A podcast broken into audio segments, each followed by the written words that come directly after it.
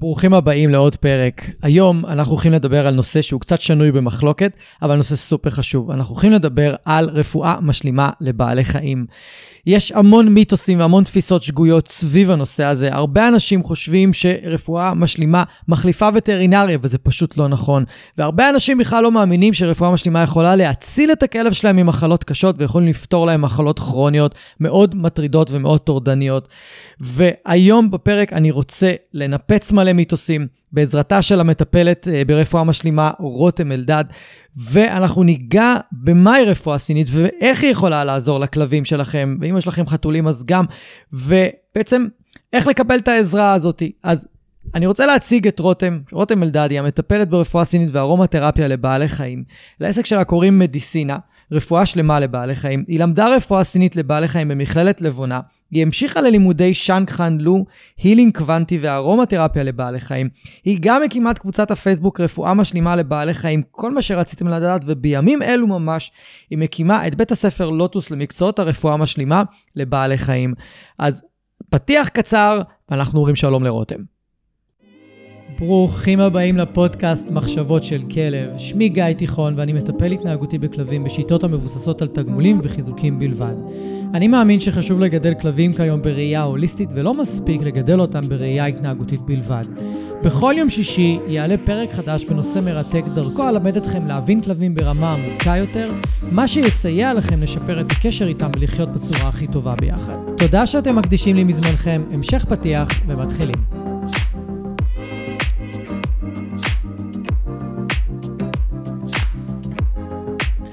היי רותם, ברוכה הבאה.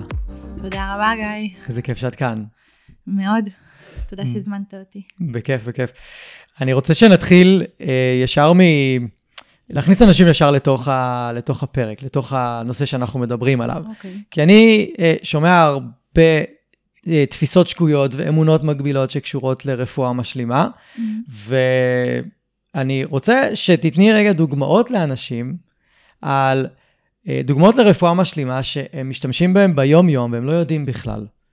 שהם תכלס צורכים, צרכני רפואה משלימה נקרא להם. אה, כן, אנחנו, אני חושבת שכולנו צרכני רפואה משלימה, רובנו לפחות. אה, רפואה משלימה יכולה לבוא לידי ביטוי בזה שהלכת לקבל עיסוי, אה, שזה טכניקת מגע שהיא אה, מגיעה בדרך כלל, היום פיתחו אותה גם לרפואה, אבל מהמזרח, וזה לגמרי חלק מרפואה משלימה, וזה משהו שרובנו מכירים, אוהבים, משתמשים. אה, גם אם אתה מרגיש קצת לא טוב, ואתה מכין לעצמך תה קמומיל או תה ג'ינג'ר, זה. רפואה משלימה, כן? אה, לצמחי מרפא, שיש להם חומרים פעילים מסוימים, שאנחנו יודעים שעושים לנו טוב, ואנחנו שותים אותם וצורכים אותם אה, לצורך הטבה עצמית, מה שנקרא. אה, וככה זה גם לגבי תוסף כורכום, או למריחה של שמן לבנדר על פצע. או שמן דגים, שהרבה אנשים שמן באופן דגים. אינטואיטיבי מוסיפים לאוכל של הכלב שלהם. נכון. זהו, אז. אנשים, לא, אז אנשים בעצם ממש משתמשים ב, בהמון דברים שקשורים לרפואה משלימה, והם בכלל לא מתייחסים לזה ככה, כאילו מבחינתם זה פשוט היגיון, היגיון בריא, או משהו שהם גדלו עליו, תרופות סבתא חלק נכון, קוראים לזה. תרופות סבתא נכון. זה לגמרי רפואה משלימה. בדיוק, אבל יש גם את מה שמעט מאוד אנשים יודעים שקשור לרפואה משלימה שהם משתמשים בהם. אה, את יכולה לתת כמה דוגמאות לדברים שהם, למשל הצמחי מרפא, או שמנים, דברים כאלה שאנשים אולי פחות מכירים, אה, לא הבנתי ש, שהם כן, שאנשים משתמשים, כמו ש... שהם פחות משתמשים. שהם פחות כאילו זה משתמשים. האנשים שהם פחות מכירים. כן, אז אנחנו באמת, התחום של רפואה משלימה הוא מאוד גדול, והוא מורכב מ... בגלל זה אנחנו קוראים לזה רפואה משלימה, מכילה בתוכה הרבה רפואות, אה, ויש דיקור, יש ארומתרפיה, יש אה, צמחי מרפא, הידרותרפיה, פיזיותרפיה, אה, הומאופתיה, שזה הרבה אנשים כן מכירים את הרסקיו למשל, שהם קונים בבית מרקחת, וזה מחזיר אותנו שוב לדברים שאנשים כן משתמשים, אבל בתמציות אחרות של הומאופתיה הם כנראה לא משתמשים. אה, אבל זה בא מאותה רפואה. שזה נורא מעניין, כאילו שאנשים עושים נורא, נורא הפרדה בין הדברים האלה. אני מניח שזה פשוט קשור ל, לאיך שהם גדלו ואיך שהם, אה, ומה שהם מכירים. הרוב מכירים פשוט את הרפואה המערבית, אבל הם לא מכירים נכון, אה, גם לא נחשפנו אחרת. לזה. זאת אומרת, אה, יש מדינות שאם היינו גדלים בהן, היינו נחשפים לזה יותר, בסין זה באמת בכל מקום, וכאן אה, לא. ואנחנו מכירים את מה שאנחנו מכירים. אה, ואני חושבת שגם באמת אה, הרבה אמירות ש... שאנחנו אולי לא זוכרים מתי אמרו לנו אותם, אבל כן נכנסות לנו לתודעה של זה לא עובד, זה תרופת סבתא, כאילו תרופת סבתא זה שם יפה למשהו, אבל בתכלס להרבה אנשים זה אומר שזה לא באמת עובד. נכון. נכון, אז אני ארצה ככה שנחבר את, ה, את המאזינים דרך איזשהו סיפור, דרך סיפור שלך, סיפור שכלב שאת מטפלת בו, שדיברנו עליו קודם, מהמם. ואני מאוד אשמח שככה תתארי להם מה, איך, איך הרפואה המשלימה, או איך הטיפול שלך בעצם בכלב הזה, איך היא, היא השתלבה עם הטיפול שהוא קיבל מ, מווטרינר. וטרינר. כן, ו, וגם איזו הצלחה הייתה לשילוב הזה. כן, אז באמת אה, סיפור מאוד מאוד מוצלח על כאב מהמם בשם צ'אמפ, אה, שלפני שנה די בדיוק אה, אובחן עם לימפומה, זה סרטן של בלוטות הלימפה, אה, והתחיל טיפול כימותרפי. אה, והטיפול הכימותרפי יש לו הרבה תופעות לוואי. יש לו תופעות לוואי שמשתנות גם אה, מכלב לכלב, לא תמיד אנחנו יודעים לצפות מה היו התופעות. אצל צ'אמפ אה, היו גם דלקות שתן, דלקות עיניים, אה, גירודים, בחילות, הקאות, חוסר תיאבון, אה, ו...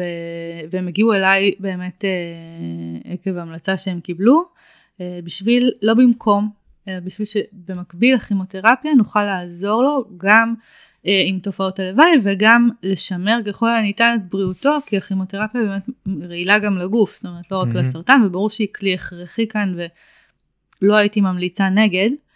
אה, אז באמת אה, מה שעשינו היה, גם עשינו לו טיפולים לחיזוק אה, מערכת החיסון ותמיכה במערכת העיכול, וגם הכנו לו תמציות, ראינו שהתופעות לוואי הן פחות או יותר חוזרות על עצמם, ויש תופעות שמתחילות ממש אחרי טיפול, ויש כאלה שמתחילות בערך שבועיים אחרי טיפול.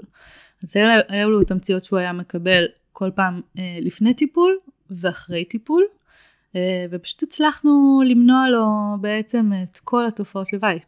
מדהים. הוא סיים את החודשים האחרונים של הטיפול ללא תופעות לוואי בכלל, עם תיאבון טוב, אה, בלי דלקות שתן, בלי דלקות עיניים, בלי אלרגיות, אה, עם אה, אנרגיות יחסית גבוהות לכלב על טיפול כימי כזה נרחב. אה, והיום הוא נקי מסרטן, הוא כבר בלי כימו. אה, מאוד מאוד משמח. אה, וזה מדהים לראות גם, אתה יודע, איך שהכימו ירדה, אז כמה רמת האנרגיה שלו עולה, כי בכל זאת אה, זה כן משפיע. אבל זה בעצם הסימן היחיד, זאת אומרת, אה, לכלב בלי כימו ועם כימו, זה שהמצב רוח קצת יותר טוב, ושהוא קצת יותר היפראקטיבי, אבל אה, חוץ מזה בעצם חודשים שלמים לא היו לו תופעות לוואי בכלל.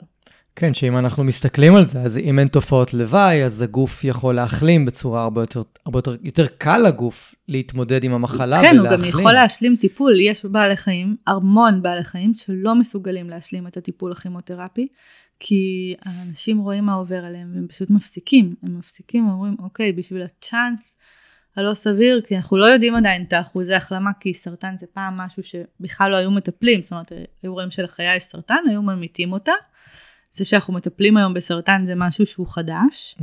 אה, ולראות את בעל החיים סובל כל כך מתופעות הלוואי, הרבה אנשים מרגישים שזה לא שווה את זה, במיוחד שאין להם שום נתון לגבי מה הסיכויי החלמה, אה, ואני חושבת שזה באמת כלי מדהים שיכול לאפשר את הטיפולים האלה ליותר בעלי חיים. זה באמת מדהים. זה... אני חושב שזה... אנחנו נדבר על זה לאורך הפרק, שבעצם מהי רפואה משלימה לחיות, אנחנו נגיע לזה, כן. וגם איך עוד אה, רפואה משלימה יכולה לעזור. אז פה נתת דוגמה על איך טיפלת בכלב עם סרטן, אבל זה לא רק בטיפולים כאלה או מחלות כאלה, רפואה משלימה לחיות עוזרת על מגוון מאוד רחב של, של אה, טיפולים ו- ו- ובעיות, נקרא לזה ככה. נכון, מדובר ברפואה הוליסטית, זה אומר שאנחנו מטפלים גם בגוף וגם בנפש, אה, ואנחנו נעשה את זה כנראה בשני המקרים, זאת אומרת גם אם תגיע בעיה גופנית וגם אם תגיע בעיה נפשית, אנחנו נתייחס גם לגוף וגם לנפש בטיפול, אה, אבל אנחנו בהחלט מטפלים גם בבעיות התנהגות, בחרדות, וגם בבעיות של הרפואה המערבית אין כל כך מה להציע, ואז אין טיפול תרופתי לא כי החלטנו ללכת על משהו אחר, אלא כי אין, וכמו במחלת כליות למשל, שלרפואה המשלימה יש מה להציע, ואנחנו כן רואים תוצאות יפות בקליניקה של שיפור מדדי כליות אה, אחרי שימוש בצמחי מרפא ותזונה. כן, ש... שתזונה, קודם כל, טוב, תזונה זה נושא עולם, עולם בפני עצמו, ויהיה לנו בקרוב פרק בנושא עם אה, עוד מטפלת, שאת מכירה, לא נעשה פה עכשיו טיזר, אבל היא גם תבוא לדבר על תזונה באופן ספציפי. ואני יכול להגיד מהצד שלי, שנתת פה כמה דוגמאות ממש טובות, שעבורי הדוגמה הכי רלוונטית היא הטיפולים, איך רפואה משלימה עוזרת עם טיפולים התנהגותיים, אני ממש יכול לראות את זה בטיפולים שאני, לפעמים אני צריך להתחנן, שיקחו אה, טיפולים ברפואה משלימה, אשכרה להתחנן, באמת, להתחנן, כי אני יכול לראות איך הכלב יכול להרוויח מזה.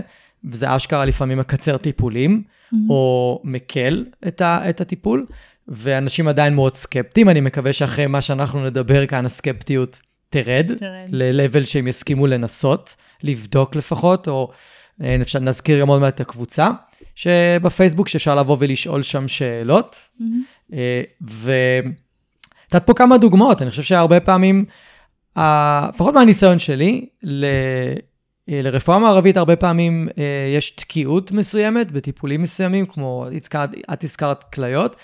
אני באופן אישי חווה את זה המון עם אלרגיות, לא mm. עם הכלבים שלי, נכון. אבל עם כלבים של לקוחות שלי, שבהרבה מקרים פשוט לא יודעים מה מקור האלרגיה ואיך לטפל בה, וזה בדרך כלל רק טיפול סימפטומטי.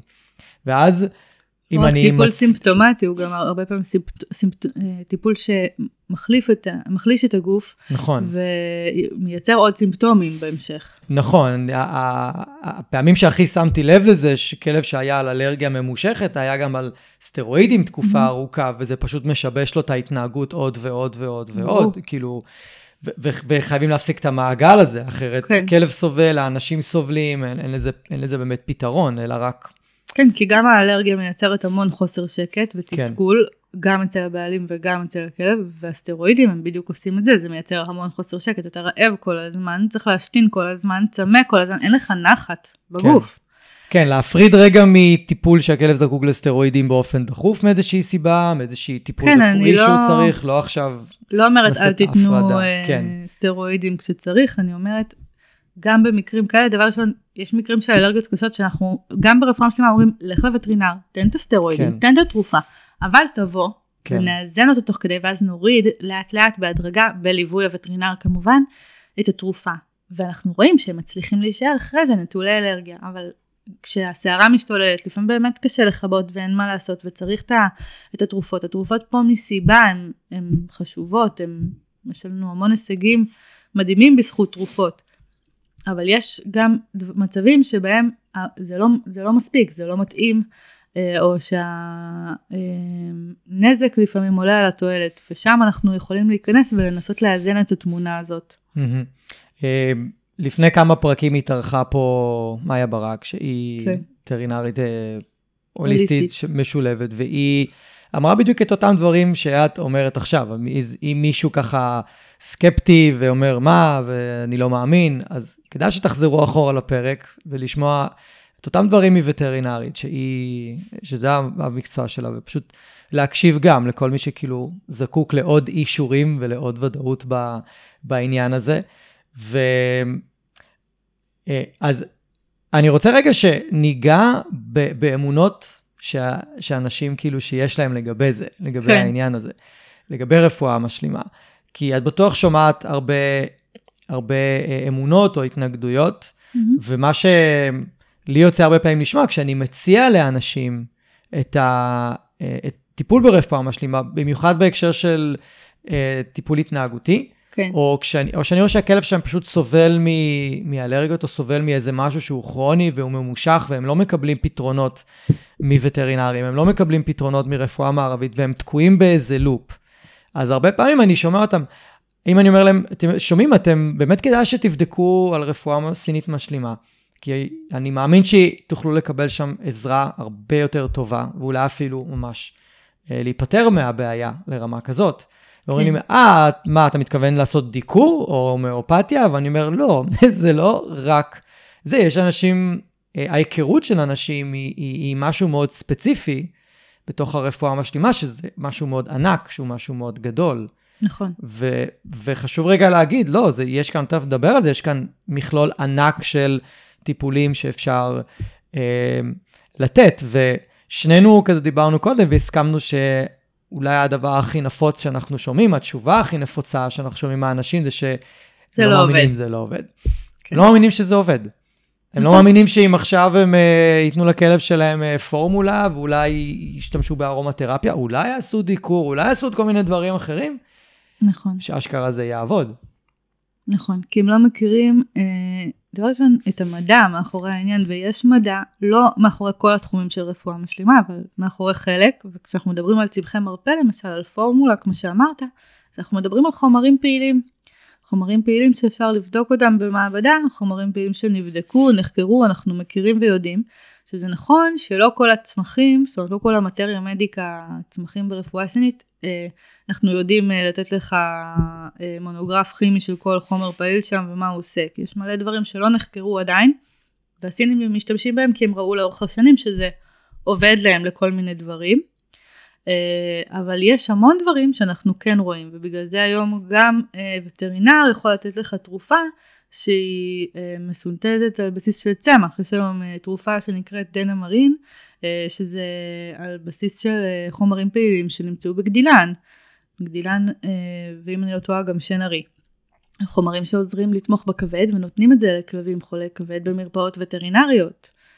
אנחנו מכירים את זה, יש לא מזמן יצא איזה, לפני כמה שנים, אה, תרופה אה, נוגדת אה, דיכאון וחרדה, שהיא מבוססת על צמח בשם פרא, פרא מחורר, היפריקום, צמח שמטפלים ברפואה משלימה, משתמשים בו מאות שנים, אם לא יותר, ו- ומכירים אותו, והנה המדע גילה, הוציא את החומר הפעיל, סינתז מזה כדור, והם רשמו על זה פטנט, הם עכשיו אה, באו, רשמו פטנט, אמרו למטפלים, אתם לא יכולים לטפל יותר, זה שלנו. ופתאום זה הפך להיות תרופה, זה כבר לא רפואה משלימה. לא, זה עדיין רפואה משלימה. כן, וגם אה, חשוב להזכיר כאן את סין, שהיא בעצם משלבת את נכון. הרפואה הסינית כל הזמן עם רפואה מערבית. נכון, אומרת, הרפואה הסינית היא רפואה שמגדירה את עצמה אה, רפואה אינטגרטיבית, בניגוד לרפואה אלטרנטיבית, מה שאומר שהיא שואפת להשתלב, והיא גם משתלבת. זאת אומרת, בסין הם משיב, מפעילים המון, משקיעים המון משאבים בלשלב את הרפואה המשלימה בתוך המוסדות שלהם, הם גם מוציאים המון המון כספים על מחקר, אה, ויש היום בתוך הבתי חולים, הם עושים דברים מטורפים, ניתוחים שההרדמה היא בדיקור, אה, אינפוזיות של צמחים, זה, זה קיים, וזה קיים גם בעוד מקומות, פשוט אולי לא באותו סקאלה, אבל גם ביפן הם עושים, ביפן אחת התרופות הכימותרפיות הראשונות ש, שיצאו לשוק, הייתה תרופה שהיא על בסיס של אה, פטריה עם עוד חומר פעיל. זאת אומרת, כן, הזכרת את המילה פטריה, וזה מזכיר לי שראיתי לפני כמה ימים, ראיתי בנטפליקס, את, יש... אה, אה, את הסרט על הפטריות? אותו ראיתי מזמן, אוקיי. אבל ראיתי משהו שהוא יותר מיינסטרימי, שאולי ממ. ידבר לאנשים. יש עכשיו תוכנית אה, של אה, Goop, של אה, גווינת' פאלטרו. יש לה אוקיי. חברה שנקראת אה, Goop. היא החליטה לעשות כל מיני אה, ניסויים עם העובדים שלה, ואחד הניסויים היה אה, לתת לעובדים שלה פטריות. כמובן דרך מקום אה, מסודר ומאושר, ו... ולראות את ההשפעה ולדבר על זה ולדבר על זה אתה מדבר על בטלוויזיה. פטריות מרפא או פטריות אה, הזיה? פטריות הזיה. אתה מדבר על פטריות הזיה. נו, אוקיי, זהו, נעשה את ההפרדה השנייה. אבל מה שרציתי להגיד זה שהיום חוקרים בדיוק את הפטריות האלה כחלק מטיפול בפוסט-טראומה, נכון. ובכל מיני דברים נפשיים קשים שיש לאנשים, שאי אפשר לפתור עם תרופות, ואי אפשר פסיכיאטריות, ואי אפשר לפתור על ספת הפסיכולוג, ואנשים כאילו מסתובבים עם זה שנים. והם, זאת אומרת, העולם, הרפואה המערבית יותר ויותר מקבלת דברים שהם לא היו ב, ב, נכון. בתחום הזה, הם היו תחום שחור או תחום מוקצה שאסור להשתמש בזה. ויותר ויותר מאמצים את זה היום. ואני לא יודעת אם היה, כן, זאת אומרת, גם בעבר הרחוק אתה תראה, יש לך מחקרים על אה, סמים הזייתיים שעשו, ו...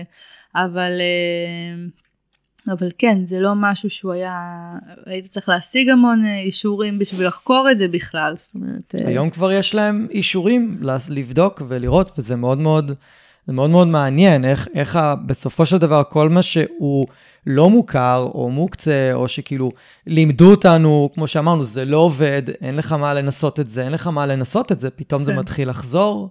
כן, זה כמו גם זה... אם ניקח דוגמה מאוד שכולם מכירים, זה הקנאביס, שקנאביס mm-hmm. זה צמח שבמשך שנים על שנים אנשים טוענים שהוא עוזר לסרטן ו... ויש עליו דיבור מאוד חזק על אה, ריפוי כל מיני סוגים של מחלות ואפילפטים אה, מדווחים שהוא עושה להם המון הטבה והמון שנים הממסד אמר לא זה לא חוקי זה סם מסוכן זה לא לא לא לא לא לא לא. נכון. והיום הנה הוא עוד שנייה, כאילו היום... הוא צמח טיפולי. הוא צמח טיפולי, שחוקרים אותו, שהמדינה מסבסדת את המחקר שלו, אה, שנפתחות פה עוד ועוד חוות לגידול. אה, משרד החקלאות אה, מכיר בחוות האלה ועוזר להם להבין איך לגדל את הצמח ואיך הכי מיטבי לתת אותו כטיפול, ואתה יודע, זה משהו שהוא לגמרי נכנס למיינסטרים ומכירים בו היום. וזה דרש מלחמה של עשרות שנים. כן. אמ, לגמרי. עכשיו, אז אנחנו בכוונה אנחנו רוצים להביא דוגמאות מבני אדם, כן. כי, כי בסופו של דבר... אה, זה יותר... זה, זה לא כזה שונה. כן. אנחנו יכולים לטפל בכלבים עם הצמחים ועם, ועם כל הטכניקות שיש ברפואה סינית משלימה. לא רק שזה לא שונה, אנחנו יודעים שבן אדם, יש לנו אה, גם אפקט פסיכולוגי. עכשיו, בן אדם שבא לטיפול משלים, והוא אומר לעצמו זה לא עובד, נכון. הסיכוי שזה יעבוד, וגם אם זה יעבוד, יכול להיות שהוא אפילו לא, הוא לא יסכים להודות בזה, או לא יראה נכון. את השינויים ואת השיפורים, או לא יעשה את ההקשר נכון. לטיפול שהוא קיבל. נכון. עם בעל חיים אין לנו את המחסום הזה. זאת אומרת, אם זה עובד, זה עובד, והוא מרגיש יותר טוב, והוא מראה לנו את זה. נכון. אין... זה, זה משהו שאני אומר המון ל, לאנשים שאני ממליץ להם. כי אומרים לי, מה, זה לא עובד. אפילו חלק אמרו, אני ניסיתי, זה לא עובד עליי. אז אני תמיד אומר להם, מזל זה שהכלב לא יודע מה אתה עושה לו, ואם יש שיפור, אז יש שיפור כי זה עובד.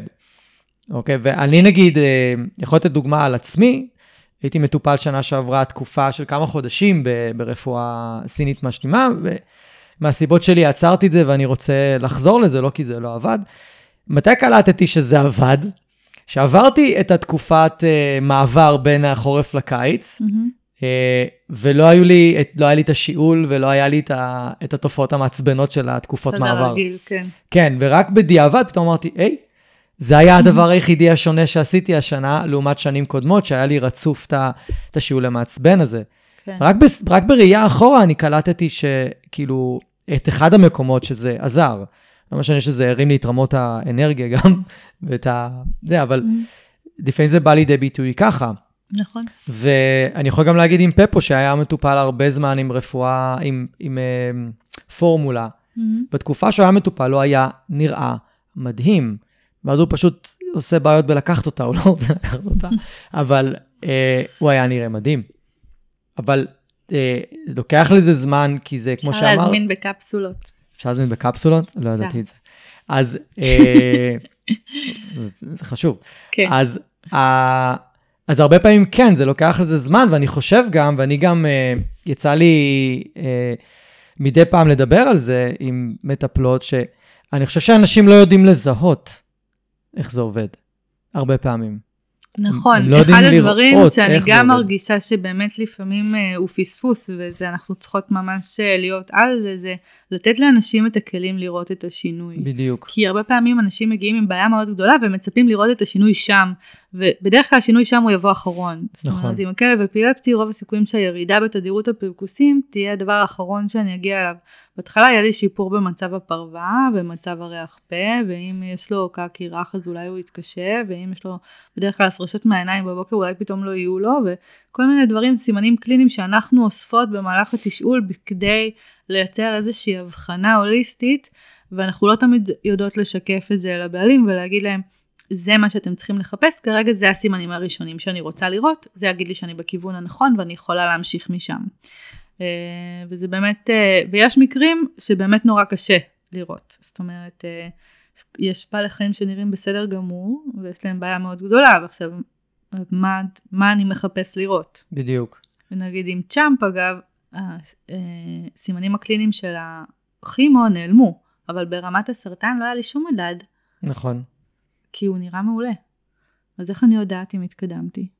רק כאילו על ידי הבדיקות דם ובדיקות אצל הווטרינר, וזה משהו שאנחנו גם עושים כמעקב. וזה בדיוק המקום הזה של האינטגרטיביות, של אני הרבה פעמים שולחת את הלקוחות שלי לווטרינרים, ואני אומרת, אני רוצה את הבדיקה הזו, ואת הבדיקה הזו, ואת הבדיקה הזו. נכון, אני חושב שזו נקודה מאוד מאוד חשובה, כי אני בטוח שיש לאנשים, אם אנחנו מדברים כרגע על תפיסות שגויות או אמונות שהם מגיעים איתם, זה שאותנו לימדו בדרך הרפואה המערבית, מה זה לימדו? זה החוויה האישית שלנו. כן. אני לוקח אנטיביוטיקה, אני עוד שבוע, איזה שבוע? עוד יומיים אפילו, יכול להיות שאני כבר די אחרי המחלה, כאילו. נכון. ו- וזה עובד כל כך מהר, ואנחנו גם מכורים למהירות, למהירות הזאת, הזאת היום. ואז, כשבאים לעשות שינוי, קראת לזה רפואה שמשלבת גוף ונפש. ומי שמאמין בזה, מי שלא מאמין בזה, הרבה מחלות יכולות להגיע דווקא מהנפש, לא, לא מהגוף. לגמרי, ו... גם המדע אגב היום כבר מאמין בזה, זאת אומרת אנחנו יודעים שסטרס יכול לייצר, סטרס כרוני למשל, יכול לייצר מחלות ברמת ה... הסטרס משחרר קורטיזול במערכת, מייצר ציטוקנים חלבונים מעוררי דלקת. נכון. והנה לך דלקת כרונית. נכון. זה בשנייה קורה, כאילו זה לא משהו שאנחנו, הוא רק איזו תפיסה הוליסטית אה, שמישהו הביא מ... לא יודעת, מאוד. נכון. זה, ל- זה מחקר היום מערבית, יודעים את זה, מכירים בזה, יש תסמונות כאלה, זאת אומרת, מעי רגיש. מה זה מעי רגיש? זה בדיוק זה, זה. דלקת כרונית במעי שנוצרת על, על רקע רגישות, על רקע סטרס.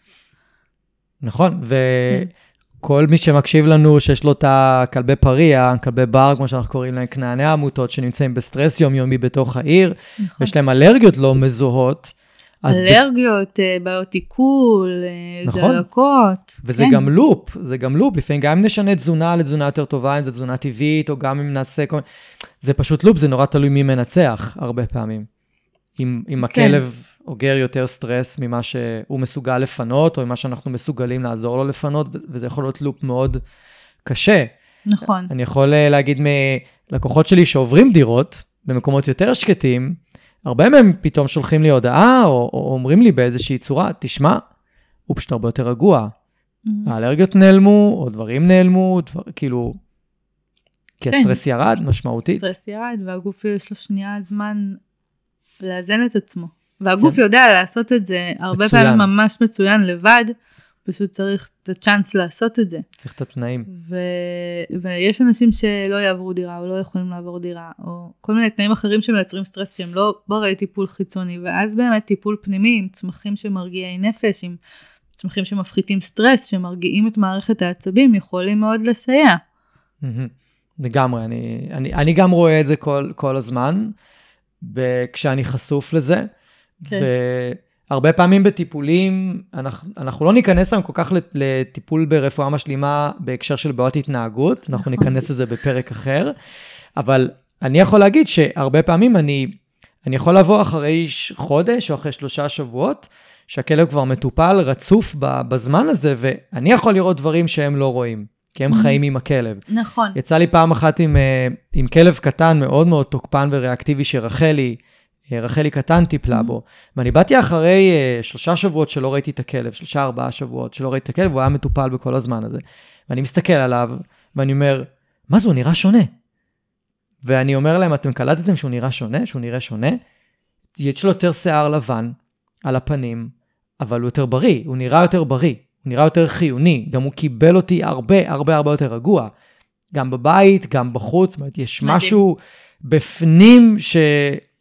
שנרגע, יש משהו בפנים שהרגיע את הכלב, כאילו זה לא היה עליו דווקא הטיפול ההתנהגותי, הם לא כזה תרגלו עם הכלב, אז כאילו אני לא יכול להגיד שזה היה משהו בהכרח כן. זה, אבל היה אפשר לראות משהו פיזי שהוא שונה, שגם היה נראה יותר בריא. ברמה נכון, החיצונית. נכון, אנחנו רואים את זה, הרבה פעמים, זה בדיוק מה שדיברתי, שלאו דווקא השינויים שרוצים לראות. נכון. זאת אומרת, יכול להיות שבאת לטיפול להפחתת סטרס, ובתור התחלה אתה עוד לא תראה את, ה, את הרוגע אצל הכלב, אתה תראה שיפור במצב הפרווה. ואגב, גם זה, לא, שוב אמרנו לא ניכנס לעומק, אבל זה גם משפיע על ההתנהגות. זאת אומרת, אם אני מרגיש חלש, היכולת שלי להתמודד עם דברים בחיים היא הרבה יותר קשה. ברור, וגם ממש. יש למ- לכלבים מנגנונים טבעיים, ש... זאת אומרת, בטבע אם הם ירגישו חלשים אז זה, זה מאיים עליהם. אה, חיות יכולות לתקוף אותי אם אני מרגיש חלש. וברגע בטח. שאנחנו מחזקים אותם אז פתאום יש איזושהי נחת וביטחון שעולה, כן, ממש. נכון, אני, נכון, אני ממש מסכים עם זה. אה, אז היינו כזה, דיבר, התחלנו מלדבר על זה לא עובד. נכון. רצינו לתת דוגמאות על איך זה כן עובד, ואיך לראות שזה עובד, כי גם המקומות שאנחנו אומרים, אה, אנשים אומרים שזה לא עובד, זה כי הם מחפשים איך זה עובד בהשוואה למשהו אחר שהם מכירים. אם זה נכון. רפואה מערבית, ועכשיו לא, אתה צריך נכון. לפתח אה, איזה שהם קריטריונים או מאפיינים שונים למה מה זה נקרא עובד. ואני חושב שהרבה אנשים פשוט נופלים שם, במקום הזה, גם אם הם מנסים את זה על עצמם, אגב. כן, גם, גם אתה צודק לגבי זה שהם באמת לא יודעים לראות את ה... ופה באמת צריך לכוון אותם גם מה לראות.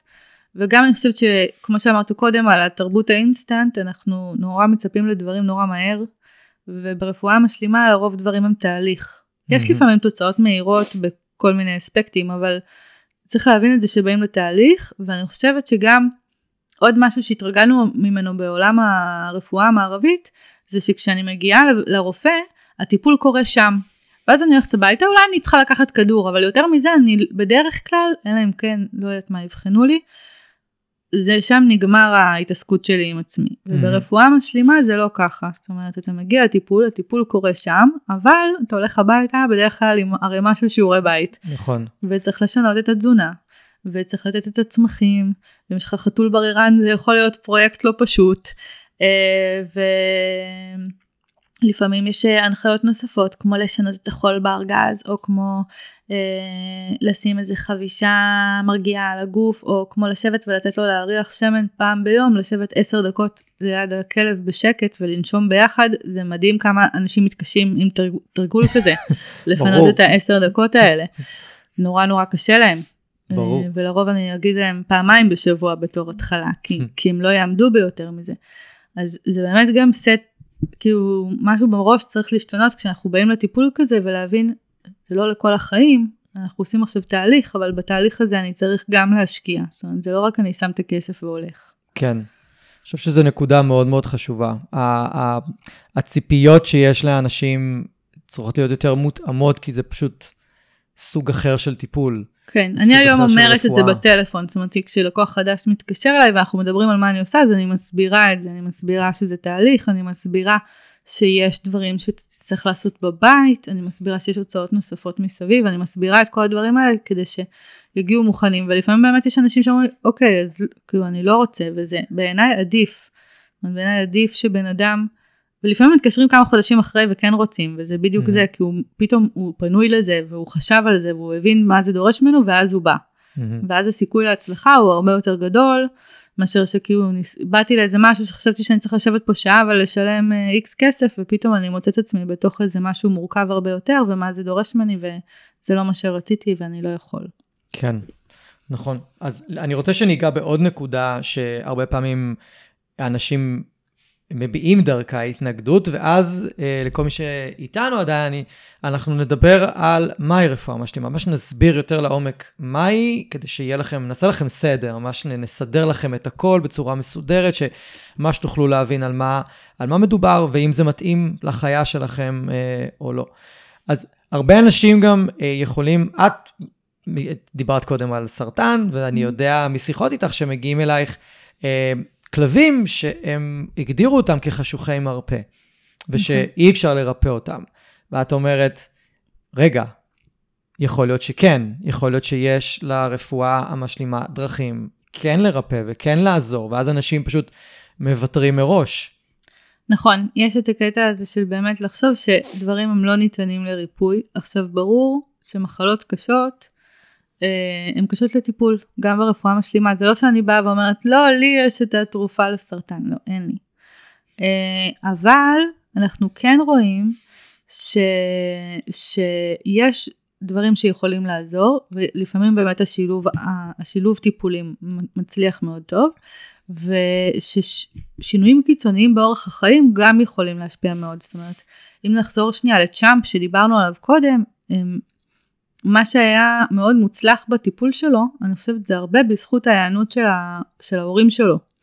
וזה כי הם קנו את כל הפורמולות האלה שהיה צריך לפי מצב, הם בישלו לפי תפריט שנכתב להם את האוכל שלו, והוא עדיין אוכל אוכל ביתי מבושל לפי תפריט מותאם. Mm-hmm.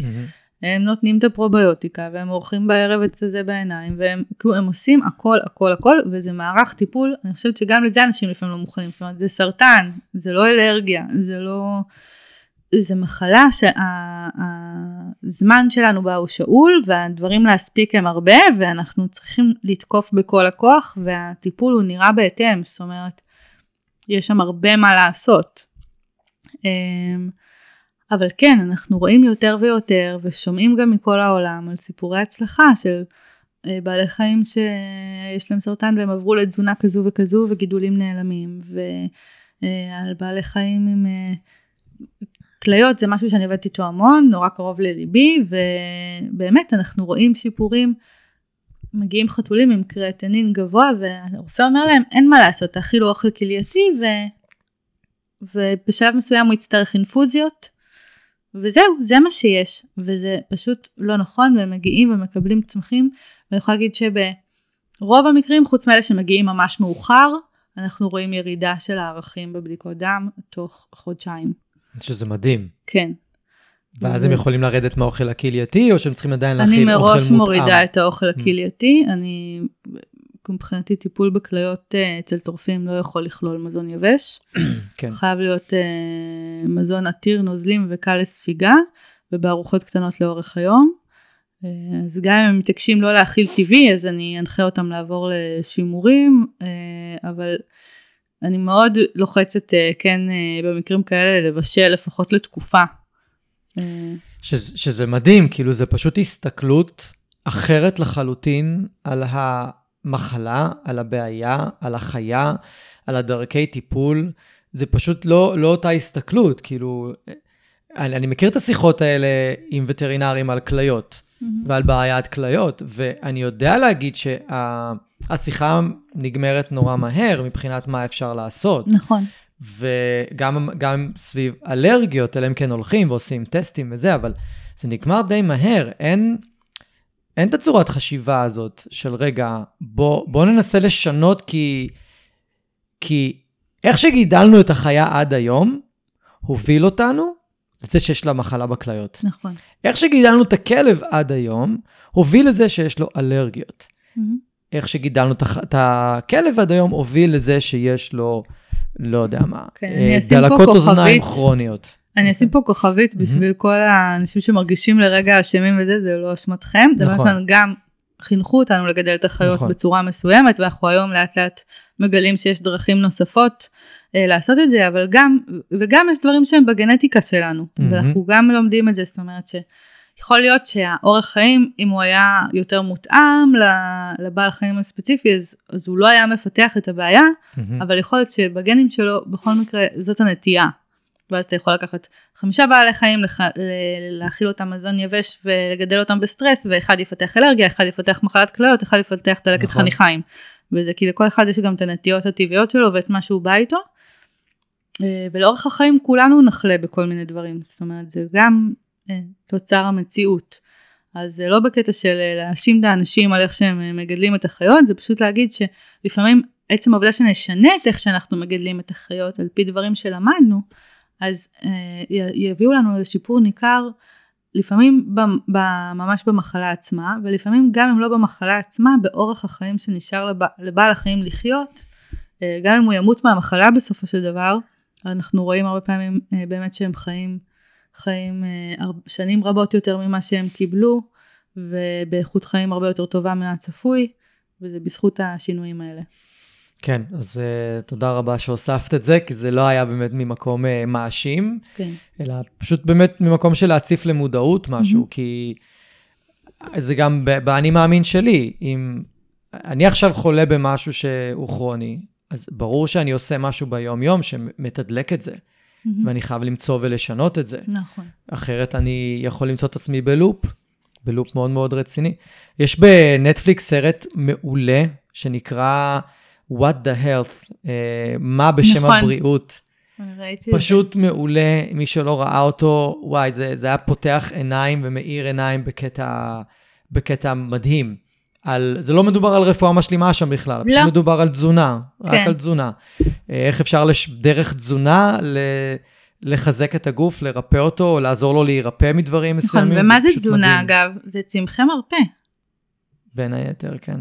בעיקר, כי הוא רוב, אתה יודע, זה... מה זה טיפול עבורי בתזונה? כטבעוני, כן, זה הרבה צמחי הרבה. וגם אם ניקח חומרים אחרים, אצל סינים גם אה, מאובן טחון יכול להיות צמח מרפא מבחינתם, או Mhm. גם נדל מיובש זה אוקיי. צמח מרפא.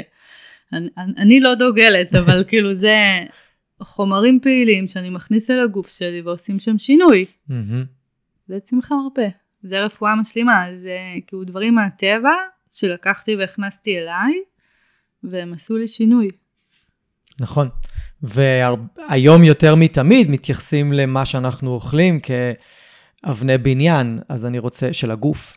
נכון. וככל שאבני בניין שלי ברמה הרבה יותר גבוהה, אז זה יותר טוב. אז אה, עכשיו אנחנו פולשים לתזונה, כן.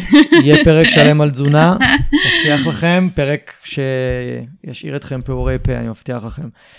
אה, אז עכשיו ככה דיברנו, עד עכשיו דיברנו על אמונות, דיברנו על כל מיני דוגמאות. אז כן. עכשיו אה, זה הזמן שנדבר על, ונעשה סדר. אוקיי. ובואי, אני רוצה שתסבירי במילים שלך, הכי, הכי פשוט, מהי רפואה משלימה. ותסבירי גם, ההתמחות שלך זה רפואה סינית משלימה, רפואה סינית וארומתרפיה, כן. וארומתרפיה. אז מה, מהי בעצם רפואה משלימה?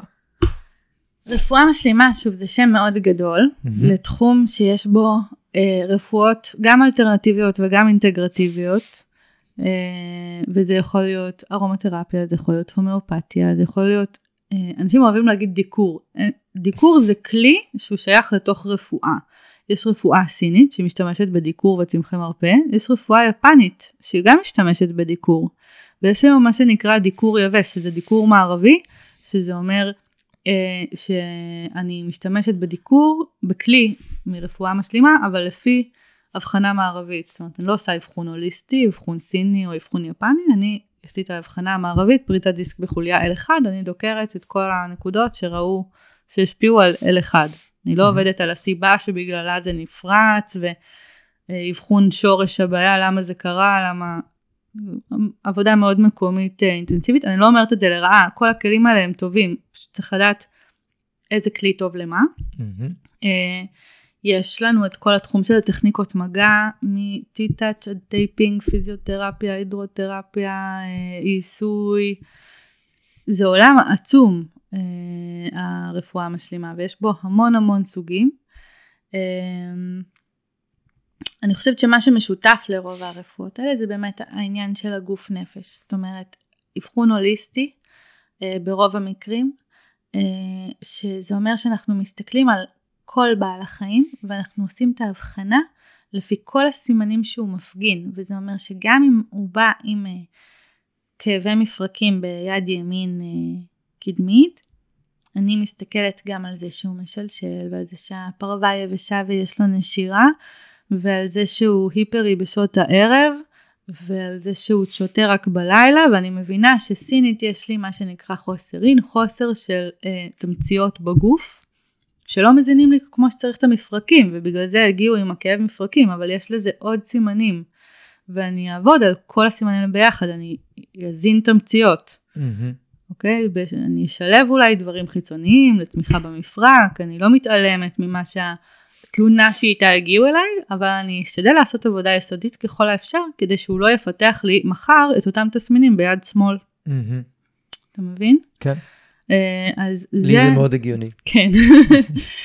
אז זה המהות של רפואה משלימה בעיניי, מה, מהבחינה הזו של, ה, אה, של התפיסה. אה, וזה אומר שגם את ההיפרואיות בערב אני ארצה להרגיע, וגם את הסטרס אני ארצה לטפל, ואני לא אשאיר את בעל החיים הגורמים שיצרו את המחלה. ולפעמים יש מקרים שבהם נחליט גם שאנחנו בכלל לא מטפלים בסימפטום, זאת אומרת שאנחנו לא מטפלים ביד, אנחנו מטפלים רק במה שיצר את המחלה, וזה יהיה מדהים לראות שהסימפטום ייעלם. אני, אני מאוד אוהב את הגישה הזאת, אני חייב לציין. אני מאוד אוהב, כי היא גם מאוד מאוד מאוד תומכת והולכת יד ביד עם הגישת פורס פרי של אילוף, של לבוא ולראות בעיה מסוימת, ועכשיו, אוקיי, בוא נחפור ממתחת. כן. בוא ניכנס לעומק, לא נישאר רק על פני השטח, ונבין את העומק ואת השורש של השורש ש- שגורם לדבר הזה, נכון. ונטפל בו משמה. והיום, אם אנחנו רגע נקביל את זה שנייה לאנשים, אז היום יש יותר ויותר מטפלים ויותר ויותר אנשים שבאים ולא מטפלים רק בגוף, הם מטפלים באמת גם בנפש. זה כאילו הפך להיות משהו הרבה יותר, אה, הרבה יותר אה, נוכח, הרבה יותר אה, משמעותי. טוב, אז הייתי שמח שעכשיו ככה תספרי איך את הגעת לתחום בכלל, וכאילו מה משך אותך לתוך, ה, לתוך התחום הזה. אה, שאלה טובה. אה, אני מודה שבתור ילדה תמיד חשבתי שאני אהיה וטרינרית. אה, זה היה לי נורא ברור, הייתי הולכת עם אבא שלי לווטרינר, מקבלת מזרקים, מזריקה לבובות בבית, דברים, הכל. אה, מצחיק היום לפני שבאתי לפה פגשנו את הווטרינר שלנו ברחוב, באופן מפתיע, אז אה, היה כזה. אבל באמת זה משהו שעם השנים הבנתי שהוא הוא לא בדיוק בשבילי. זאת אומרת, אה, מכל מיני כיוונים, גם אה, מהכיוון, אה, חוויתי כל מיני דברים ברפואה המערבית על, על בשרי, ומשם הגעתי למסקנה שזה לא משהו שאני, שאני רוצה, שאני מתחברת אליו, אבל לא היה לי ברור מה, מה כן במקום. זאת אומרת, וגם כאסיסטנטית וטרינר עבדתי במרפאה של טלל, שזה מרפאה שקולטת חיות מהרחוב, ולפעמים במצבים מאוד קשים. ואין ברירה, זה חיות שלא מורגלות אה, לאנשים. כלבים זה יותר נוח, אבל חתולים אה, שלא מורגלים לאנשים ושהם תוקפנים במצבי סטרס, לטפל זה יכול להיות מאוד מאוד קשה.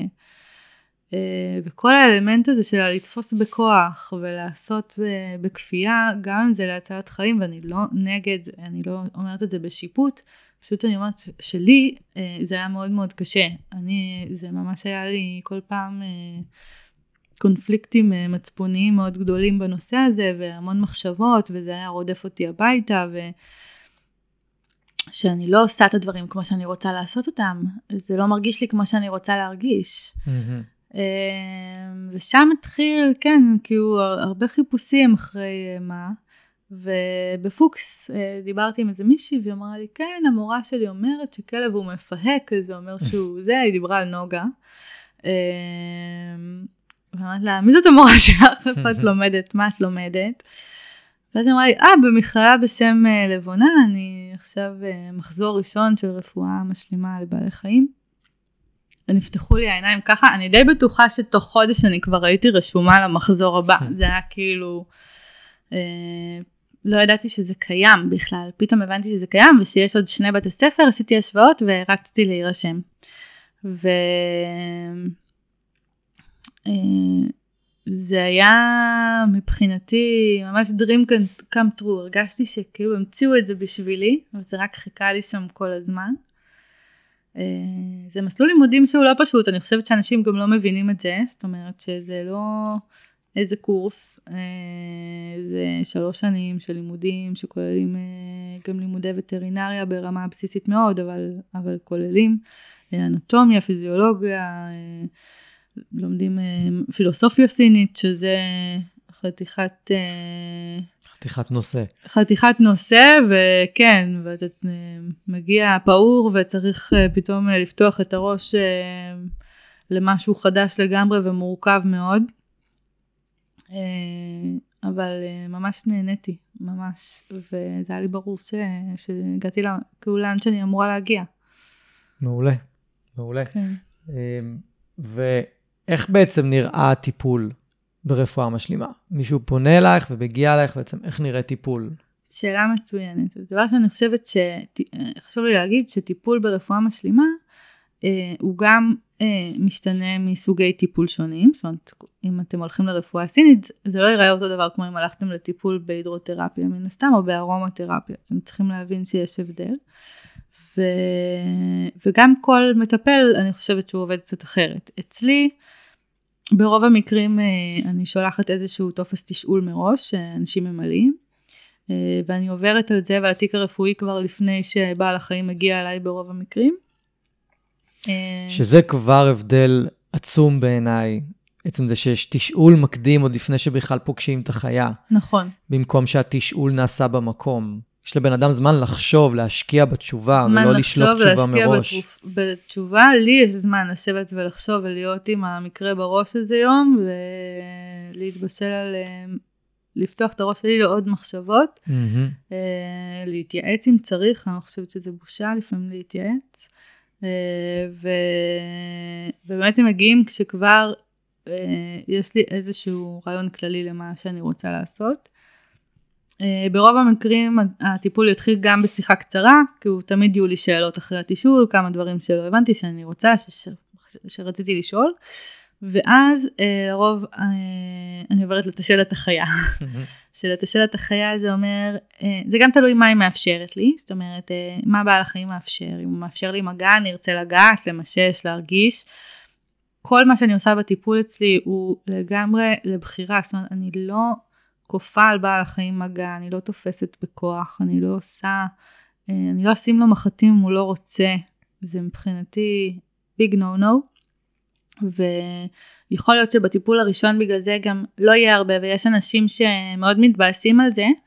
אה, מי שמתמיד מגלה שבזכות זה אחרי זה הם משתפים פעולה הרבה יותר כי ברגע שהם קלטו שאתה בן אדם שלא עושה להם שום דבר שהם לא רוצים הם מאפשרים לך הרבה מאוד דברים שהם לא היו מאפשרים לך לפני זה. זה מדויק מאוד. ו...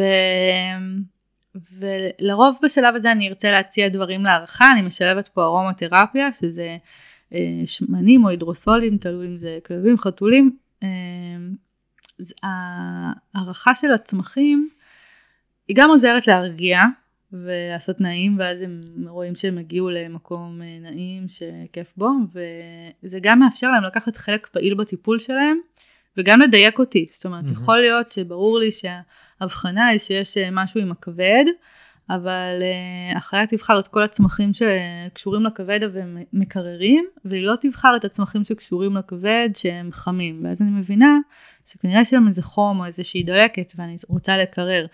אז היכולת שלהם לבחור צמחים מאוד מרשימה, הם יודעים לעשות את זה ממש טוב ברוב המקרים, וזה ממש נותן להם את האפשרות להגיד לי, כי הם לא יכולים להגיד לי חם לי, קר לי, פה, כואב לי, שם. Mm-hmm. אז זה הדרך שלהם לעשות את זה, והם עושים את זה ממש טוב, הם מבקשים אם למרוח את השמן, הם הרבה פעמים מראים עם האף איפה הם רוצים שנשים, אה, חלק רוצים לקק, חלק רוצים להריח, חלק רוצים לשכב ליד, כל הדברים האלה אומרים לי משהו ברמה האבחנתית, מעבר לזה שהם, אה, שזה נעים להם ו, ושזה חלק מהטיפול. אה, זה ממש מהווה חלק מהאבחנה. זאת אומרת שהחיה ממש פעילה בתוך כל כן, כן. הטיפול, כן. זה, זה מדהים. כן. אה, חיה פעילה ו... ותמיד אה, יש לה הזמנה להשתתף. ויש כאלה שבהתחלה לא מוכנים להשתתף, וזה mm-hmm. גם עניין, אנשים אומרים לי, אה, טוב, אז מה, אז אני אומרת להם, עכשיו אתם, אתם קבעתם, אתם קמתם בבוקר, החלטתם שאתם לוקחים את החיה לרפואה משלימה. מישהו עשה לכם פעם כזה דבר? כאילו, תחשוב שהיית קם בבוקר, ואני הודעתי לך עכשיו שאתה הולך לטיפול. אולי אתה לא רוצה טיפול, אולי אתה לא חושב שאתה צריך. אולי אתה לא מבין, כאילו אנחנו מחליטים בשבילם דברים, גם החיה צריכה לעשות תהליך בשביל להחלים ממשהו. נכון. וצריך לפעמים לגייס אותם לתהליך, וזה בסדר, וברוב המקרים הם מתגייסים גם. כאילו, עם העבודה הנכונה הם מתגייסים לזה. אבל זה בסדר לתת להם רגע להבין שנייה מה קורה, לאן הם הגיעו, מה הולכים לעשות, לוקחים לי משהו, לא לוקחים לי משהו, אולי אני צריך את זה, אולי פיתחתי את זה כי זה נותן לי משהו. לגמרי. אני מנסה תוך כדי שאת מדברת להיזכר בחוויה הראשונה שלי עם רפואה משלימה עם, עם כלב, okay. אוקיי. ולקח לי זמן להיזכר, כי ידעתי שאני לא, לא נזכר בחוויה הראשונה, וזה היה עם, אה, עם לולה, שאני כרגע גם מחפש לבית, ופשוט אה, באנו לאחד המפגשים שבמכללה של נעמי, mm-hmm. שהסטודנטים שלה היו, היו עושים. כן, לקליניקה הלימודית. בדיוק, בקליניקה הלימודית, באנו לאילונה. לולה נכנסה לתוך החדר, נובחת על כל מי שנכנס, נותנת לאף אחד להתקרב, רק אני יכול לגעת בה. אילונה פשוט יושבת שם על הרצפה, ופשוט כאילו, מה שנקרא, מתחילה לעשות את, ה, את הקסמים האלה. בודקת אם היא רוצה להריח את זה, בודקת אם היא רוצה להריח את זה, בודקת אם זה, ואז קלטנו מה, מה היא קלטה, מה היא כן רוצה. אני חושב שלקח לה כמה דקות להפסיק לנבוח, גם עם העזרה שלי, אבל אז היא התחילה להתעניין. Mm-hmm. אז היא התחילה להביע עניין, וראו אותה הולכת ב... ו... ובודקת מה... מה היא רוצה. Mm-hmm. ואני זוכר שסיימנו אחרי שעה, שלא לה עם מחט בחזה, ישנה. ישנה בחדר כן, שהיא לא, שהיא לא מכירה שם כמעט אף אחד, אוקיי? היא לא מכירה אף אחד חוץ ממני, והיא ישנה. כן. אוקיי? וזו כלבה שמתפרץ, הייתה בתקופה, מתפרץ על אנשים ברחוב, קופצת עליהם, קופצת עליהם לנשוך, כאילו... ונעמי מדי פעם נכנסת, ועוד איזה סטודנט אה, או תלמידה נכנסת, ואילונה שם יושבת. והכבה ישנה. היינו צריכים להעיר אותה, ללכת הביתה. כן. כאילו, זו הייתה החוויה הראשונית שלי מה... זה מדהים איך זה קורה, הזה. ויש גם מקרים מצחיקים מאוד שזה קורה, שהם כאילו נלחמים בזה. יש לי סרטון של אחד המטופלי עבר שלי, ספוט, שהוא יושב והוא ממש מתאפץ, כאילו, במהלך הטיפול, ואתה רואה שהוא נלחם, הוא כאילו לא זה, והוא נופל לו הראש. ואיזה דרך אני הולכת, והשנייה אחרי שהלכתי הם ישנים, והם לא קמים שעות, כאילו, אני מקבלת הודעות של מה עשית לכלב, והוא לא קם, זה... תנו לזה לעבוד, זה בסדר. כן, מדהים. ואז כאילו, משם בעצם התגלגלתי, משם בעצם נפתח לי, ה... נפתח לי הראש כן. למקום הזה. אולי היינו צריכים לפתוח עם הסיפור הזה. אמ, אז בואי נדבר עכשיו על איך בעצם לבחור מטפל. כי יש הרבה מטפלים ויש הרבה הבדל בין, אה, נכון. בין המטפלים, ואיך בעצם אנחנו, אנחנו בוחרים אותם. זה כי... באמת uh, דילמה, כן. ואני חושבת שהדבר הראשון שאנחנו צריכים לעשות זה להסתכל איזה בעיה יש לנו, זאת אומרת, מה אנחנו מתמודדים, נגיד אלרגיה, ואיזה בעל חיים יש לנו, זאת אומרת, האם זה חתול שיכול לקבל דיקור? האם זה כלב שייתן למרוח עליו דברים? זה שאלות שאנחנו צריכים לשאול, וגם אנחנו לא יודעים, אה, אני חושבת שגם אנשי מקצוע צריכים לעשות את התשאול הזה הראשוני בטלפון וזה, אבל לפעמים דברים מתפספסים וגם אנחנו צריכים לקחת אחריות ולרגע לנסות להבין שאנחנו הולכים למטפל המתאים. יש מטפלים שיש להם התמחויות, כמו שדיברת קודם על רחלי, רחלי מתמחית באלרגיות. אז אם יש כלב עם אלרגיה והוא גר במרכז אז כדאי לו להגיע לרחלי. כי היא פשוט נסתה עם הכי הרבה מקרים כאלה והיא תדע לטפל בזה והיא תדע לטפל בזה עם מגוון כלים כי זאת ההתמחות שלה, אז יש לה גם את הדיקור וגם את הצמחים וגם דברים למריחה חיצונית, ואז אם הבעל חיים שלנו לא מאפשר את זה, הוא יכול לקבל את זה, ואם הוא לא מאפשר את זה, אז הוא יכול לקבל את זה. אז אני חושבת שהשאלות האלה, קודם כל, של להגדיר לעצמי מה אני רוצה, אה, זה מאוד מאוד חשוב. מה אני רוצה, מה בעל החיים יכול לקבל, ומה ייתן לו חיוב, חוויה טובה גם. זאת אומרת, יש כלבים שאתה יכול להכניס אותם למתקן הידרותרפיה, הם לא יילחמו בך, אבל החוויה שלהם מזה היא לא תהיה טובה. Mm-hmm. בעיניי טיפול אמור להטיב איתך. גם, הוא לא רק להטיב עם הבעיה הספציפית, איתך, עם המטופל. אז אני לא ארצה להעביר בעל חיים חוויה סטרסית במטרה לטפל אה, בבעיה אחרת. אוקיי? שדוגמה טובה לזה זה אם אה, אנחנו לא נעשה דיקור לכלב שעדיין לא מוכן ש, שיגעו בו. נכון. אנחנו בטח לא נתפוס כאב בכוח, וזה משהו שאני לפעמים נתקלת בו ואני קצת מזדעזעת מזה, כי זה באמת, אני לא חושבת שזה עובד באמת טוב. זאת אומרת, כי דיקור עובד על זרימה. ובשביל שתהיה זרימה בגוף אני צריכה להרגיש בנוח. Mm-hmm. אם אני כולי מכווצת מסטרס, אין מצב שזה, איך זה אמור להשפיע. כל האנרגיה בכלל הולכת למקום אחר, הגוף עסוק במשהו אחר לחלוטין. עסוק ב fight or flight עכשיו. נכון, ממש. אז מה זה משנה ששמנו את הדבר הזה בשביל לעשות וי, שה, שהבעלים שמשלם את הכסף הוא יראה שהיה איקס, וזה משהו שקורה אגב, שמטופל מגיע ואומר, לא, מה, את שמה רק שתי מחטים? כן, אני אשת המקצוע, אבל אני יודעת כמה מחטים אני צריכה לשים. וזה לא שתהיה לו השפעה יותר מיטבית אם אני אשים לו חמש מחטים, כי mm. כל מחט אומרת לגוף לעשות משהו, ואם אני אתן המון פעולות סותרות לגוף, לא עשיתי בזה שום דבר. אם, אם דייקתי ושמתי שתי מחטים שאומרות אותו דבר, אז תהיה לי פעולה טובה. כן. אני מצליחה להעביר את זה. כן, אני יכול ו- אפילו לתת דוגמה מפפו, שדנה היה לי המטפלת שנתנה את הצמחי מרפא ואת כל הטיפול בפפו. ובדקנו אם, אם, אם הוא יגיב טוב לדיקור, כן. וראינו שלא. מהמם. הוא ממש מתכווץ ומפחד ומגיב לא טוב, ופפו זה כלב שמאוד אוהב מגע, נכון. ומאוד אוהב להיות על אנשים, עליי פחות על אנשים אחרים יותר, אבל הוא לא הגיב טוב לזה, אז עזבנו את זה. כן. פשוט עזבנו את זה. נכון, בדיוק.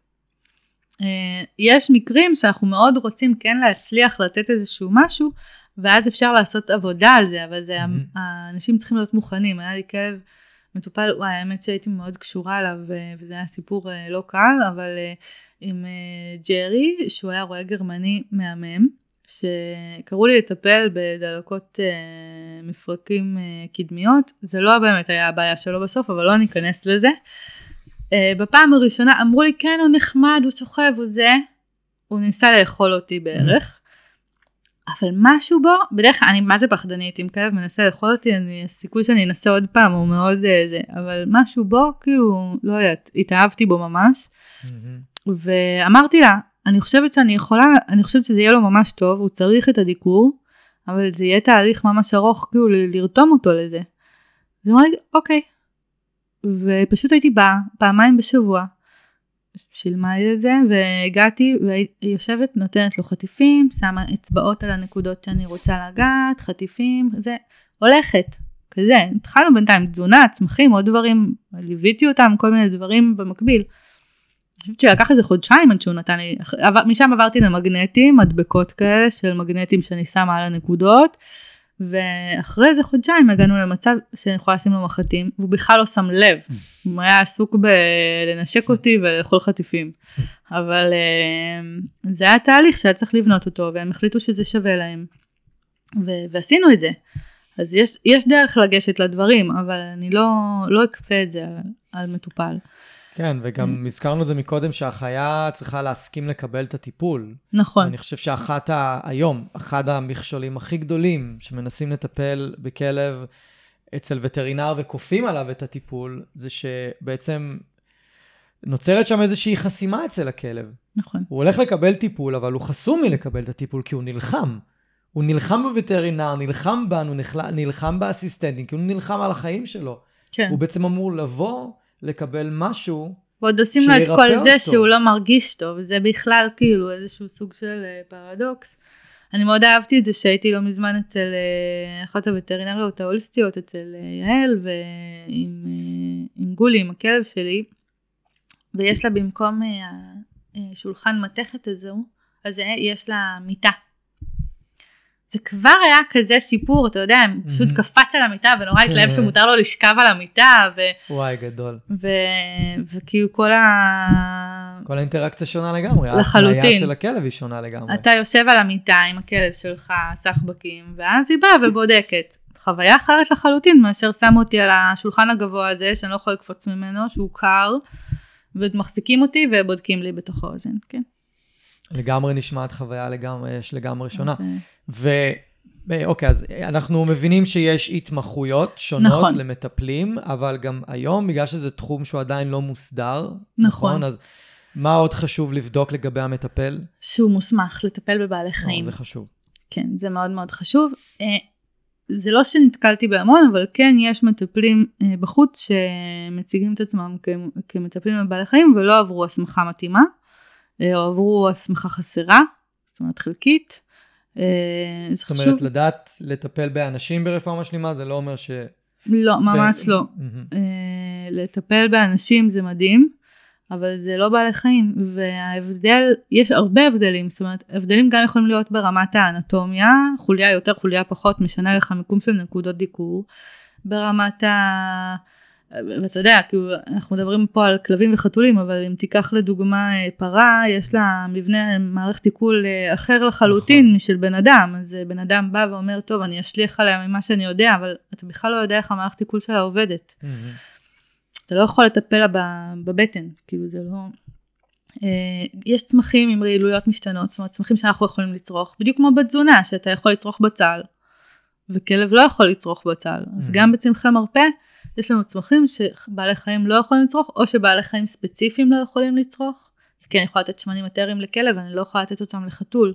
כל מיני התוויות שאנחנו צריכים לדעת, התוויות עם תרופות.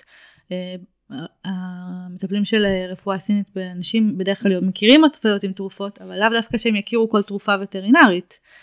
וגם המחלות משתנות, וצריך לדעת את זה, זאת אומרת, אה, לכלב, אם יש לו בעיה בבעלות התתריס, זה בהכרח יהיה היפו, זאת אומרת תת פעילות, ובחתול זה בהכרח יהיה היפר. אה, עודף פעילות. בבן אדם יכול להיות לך גם וגם, אז יכול לבוא בן אדם שלא מכיר ולא מבין, ולאבחן את הכלב שלך עם עודף פעילות, ועכשיו לנסות לאזן את זה, וזה זה, זה לא מתאים. מהמם. אז כל הדברים האלה הם משפיעים מאוד על הטיפול והם יכולים לגרום נזק. יש, יש עוד מיתוס שלא, ביקשת ממני מיתוסים קודם ולא זכרתי, עכשיו מיתוס, אם זה מקסימום, זה לא יועיל, לא יזיק.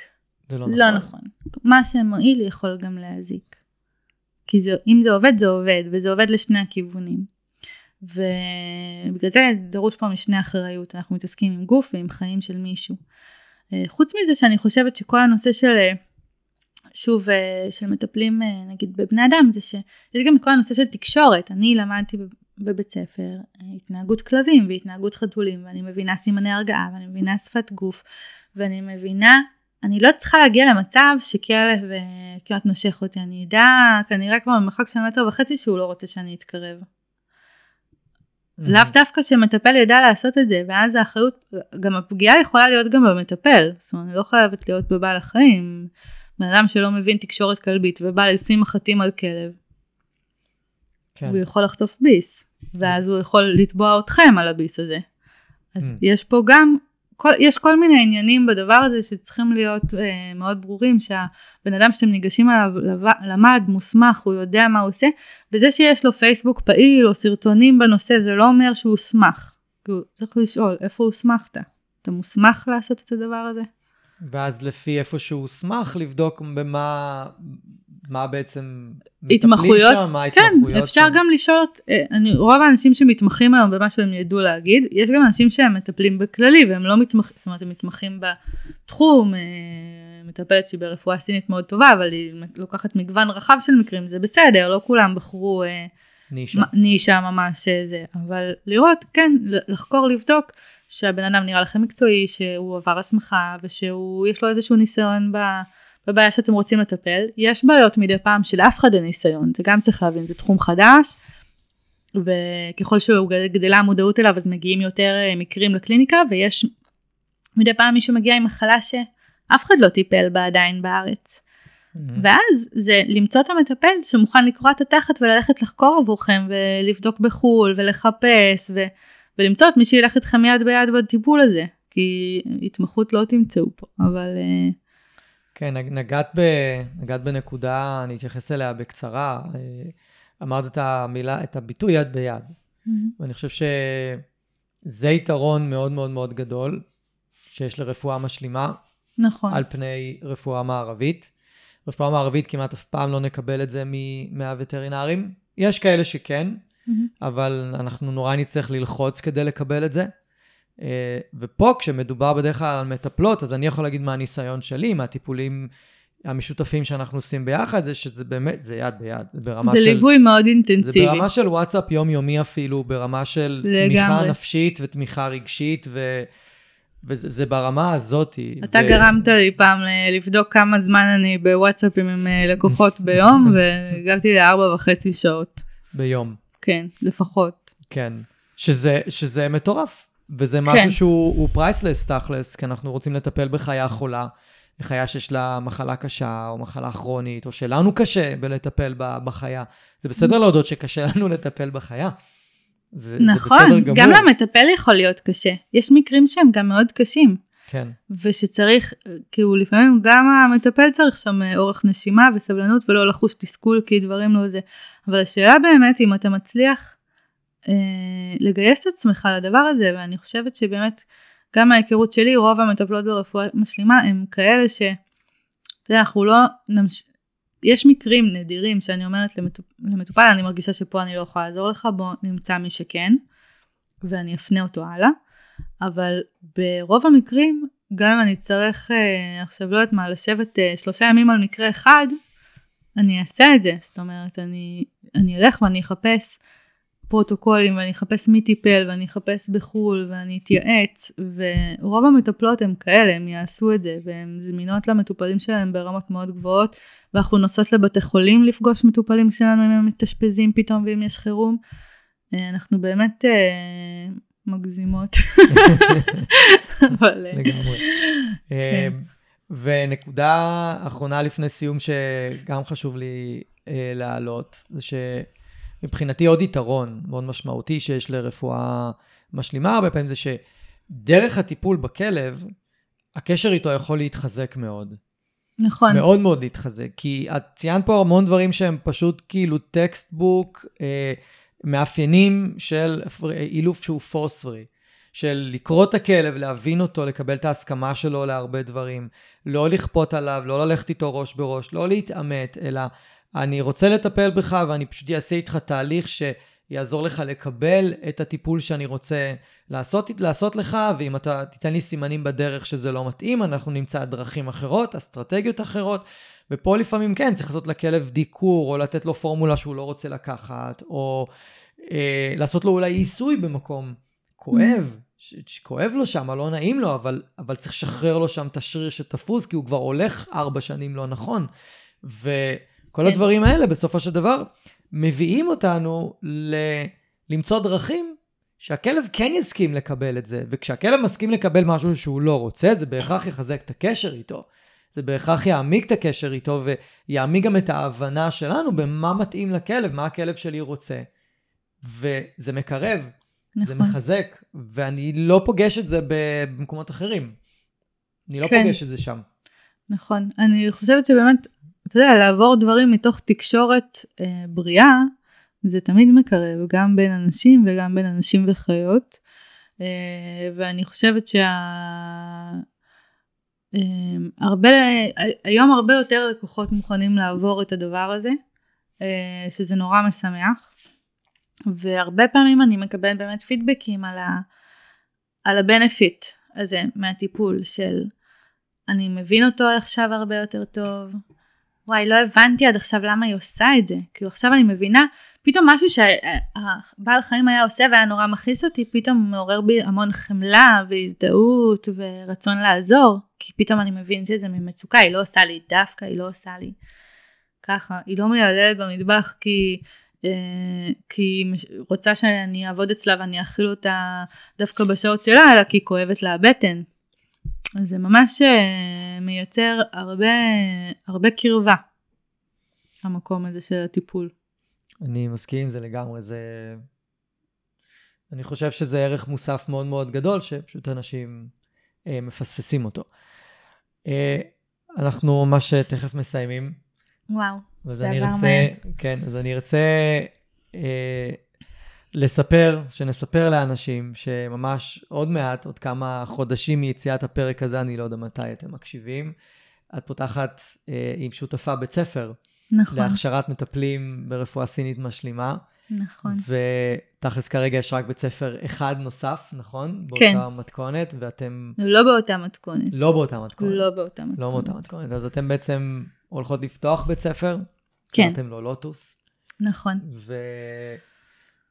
מי ש- מי שמקשיב עכשיו ורוצה להתעניין, פשוט יכול לפנות לרותם. ולהתעניין באופן אישי ו... ולהתייעץ איתה, לדבר איתה. אז ממש עוד מעט הולך להיפתח הבית ספר. כן, אנחנו מאוד מקוות uh, שהרשמה תיפתח בשבועיים שלושה הקרובים, uh, ו... ואנחנו כבר uh, עובדות במרץ, האתר עוד שנייה עולה לאוויר. Uh, זה הרבה זמן לא דיברתי, לא הסכמתי לדבר על זה עד שאני אדע בוודאות שזה קורה, עכשיו אני כבר יודעת בוודאות שזה קורה, זה בית ספר uh, באמת ברמה הכי גבוהה שאפשר לבקש, אני לא התפשרתי שם על פיפס. אה, זה הולך להיות מסלול לימודי מאוד מקיף של שלוש וחצי שנים. אנחנו האמת החלטנו, בדיוק השבוע החלטנו שאנחנו נפתח שני מסלולים, זאת אומרת יהיה מסלול שהוא רפואה סינית אה, וארומתרפיה, אה, ויהיה מסלול שהוא רק ארומתרפיה. אבל בשני המסלולים לומדים גם וטרינריה, לומדים התנהגות, מסלול הסיני לומדים כמובן דיקור, צמחי מרפא, טכניקות מגע, תזונה. קורס מאוד מאוד מאוד מקיף, מאוד מאוד עשיר, עם מרצים באמת ברמה הכי גבוהה שאפשר למצוא. ואם זה קורה למישהו, אז אני ממש אשמח שידברו איתי. אני כמי שהיה שותף לתהליך מבחוץ, נכון. אני יכול להגיד שבאמת מאוד מאוד מרשים ה... היה לראות את רמת הרצינות וההשקעה, וכאילו להביא באמת באמת איזה משהו אחר כאן בארץ, משהו שמתעלה לרמות מאוד גבוהות, ופשוט לקחת את התחום הזה של רפואה משלימה ולהרים אותו למעלה. להרים אותו למעלה ולהוציא את המטפלים הכי טובים שאנחנו יכולים. אה, אני מרגישה שהמודעות לתחום שלנו מאוד מאוד גדלה, יש יותר ויותר ביקוש, יש אזורים בארץ שאין בהם מטפלים נכון. כרגע, ואין מספיק מטפלים, אה, יש מטפלות טובות, אה, מטפלים טובים, אבל לא מספיק. נכון. זאת חסר נכון. כאן. מעולה, אז אני, קודם כל שיהיה המון בהצלחה. תודה. ברכה, זה מרגש מאוד. ברכה לתחום שלנו ולכלבים, ולא רק לכלבים. הרבה חיות פה בארץ. אמ, מי שאולי יש לו סוס, גם סוסים רלוונטי, וגם כאילו עוד מלא חיות אחרות. נכון, יש מטפלות שמתמחות בוד... בסוסים, כן. אה, וזה מדהים אה, לראות אה, את העבודה שהן עושות מטורפת, בתחום מאוד מאוד קשה.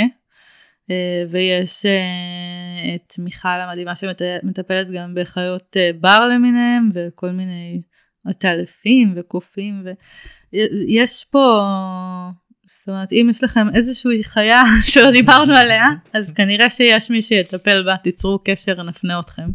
מעולה, מעולה. אז רותם, היה מרתק, תודה רבה. ממש תודה. אני אשמח גם uh, להוסיף עוד uh, משהו אחד, אני יכולה? יאללה. Uh, שיש את הקבוצה בפייסבוק. אה, נכון. של רפואה משלימה. אני אני אשמח. Uh, רפואה משלימה לבעלי חיים, כל מה שרציתם לדעת. אה, אתם יכולים להעלות שם פוסטים עם, ה... עם הבעיות של האחיות שלכם או עם השאלות שלכם ואנחנו עונות, אני ודנה, אה, על כל השאלות של כולם ומשתדלות לתת מענה אה, וגם הפניות במקרה הצורך למי שצריך. מעולה, מעולה. אז שוב, תודה רבה. תודה, גיא. שמחתי לארח אותך. גם אני.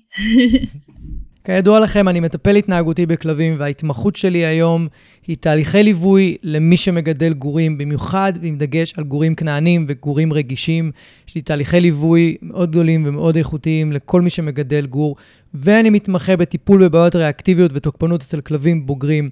אני אשמח מאוד לעזור לכם, ואם אתם רוצים לעבוד יחד איתי, או עם אחד המאלפים המומלצים שלי, פשוט תרדו לתיבת הטקסט בכל מקום שאתם מקשיבים לפודקאסט, ויש לכם שם כישורים ודרכי קשר כדי להגיע אליי. אני והצוות שלי נדאג לכם באופן אישי, ואם אני לא אוכל לעזור, אנחנו נחבר אתכם לאחד המאלפים או המאלפות המומלצים מטעמנו, ואנחנו נשמח מאוד לעזור לכם. אני רוצה להגיד לכם שוב, תודה רבה שהאזנתם. אם אהבתם ואם נהניתם, אז שתפו חברים, שתפו מכרים, בעלי כלבים, תעזרו לי להפיץ את הפודקאסט הזה, אני מאוד מאוד אשמח. ותעשו follow, כדי שהאפליקציה האהובה שלכם תודיע לכם. יום שישי היום, יש עוד פרק בפודקאסט מחשבות של כלב, ואני אפתיע אתכם עם נושא חדש ופרק חדש. אז אני מקווה שנהניתם היום, היה לי מאוד כיף לארח אתכם. אנחנו נתראה עוד שבוע, תהיו טובים לכלבים שלכם, תהיו טובים לעצמכם, ושיהיה לכם אחלה של סוף שבוע.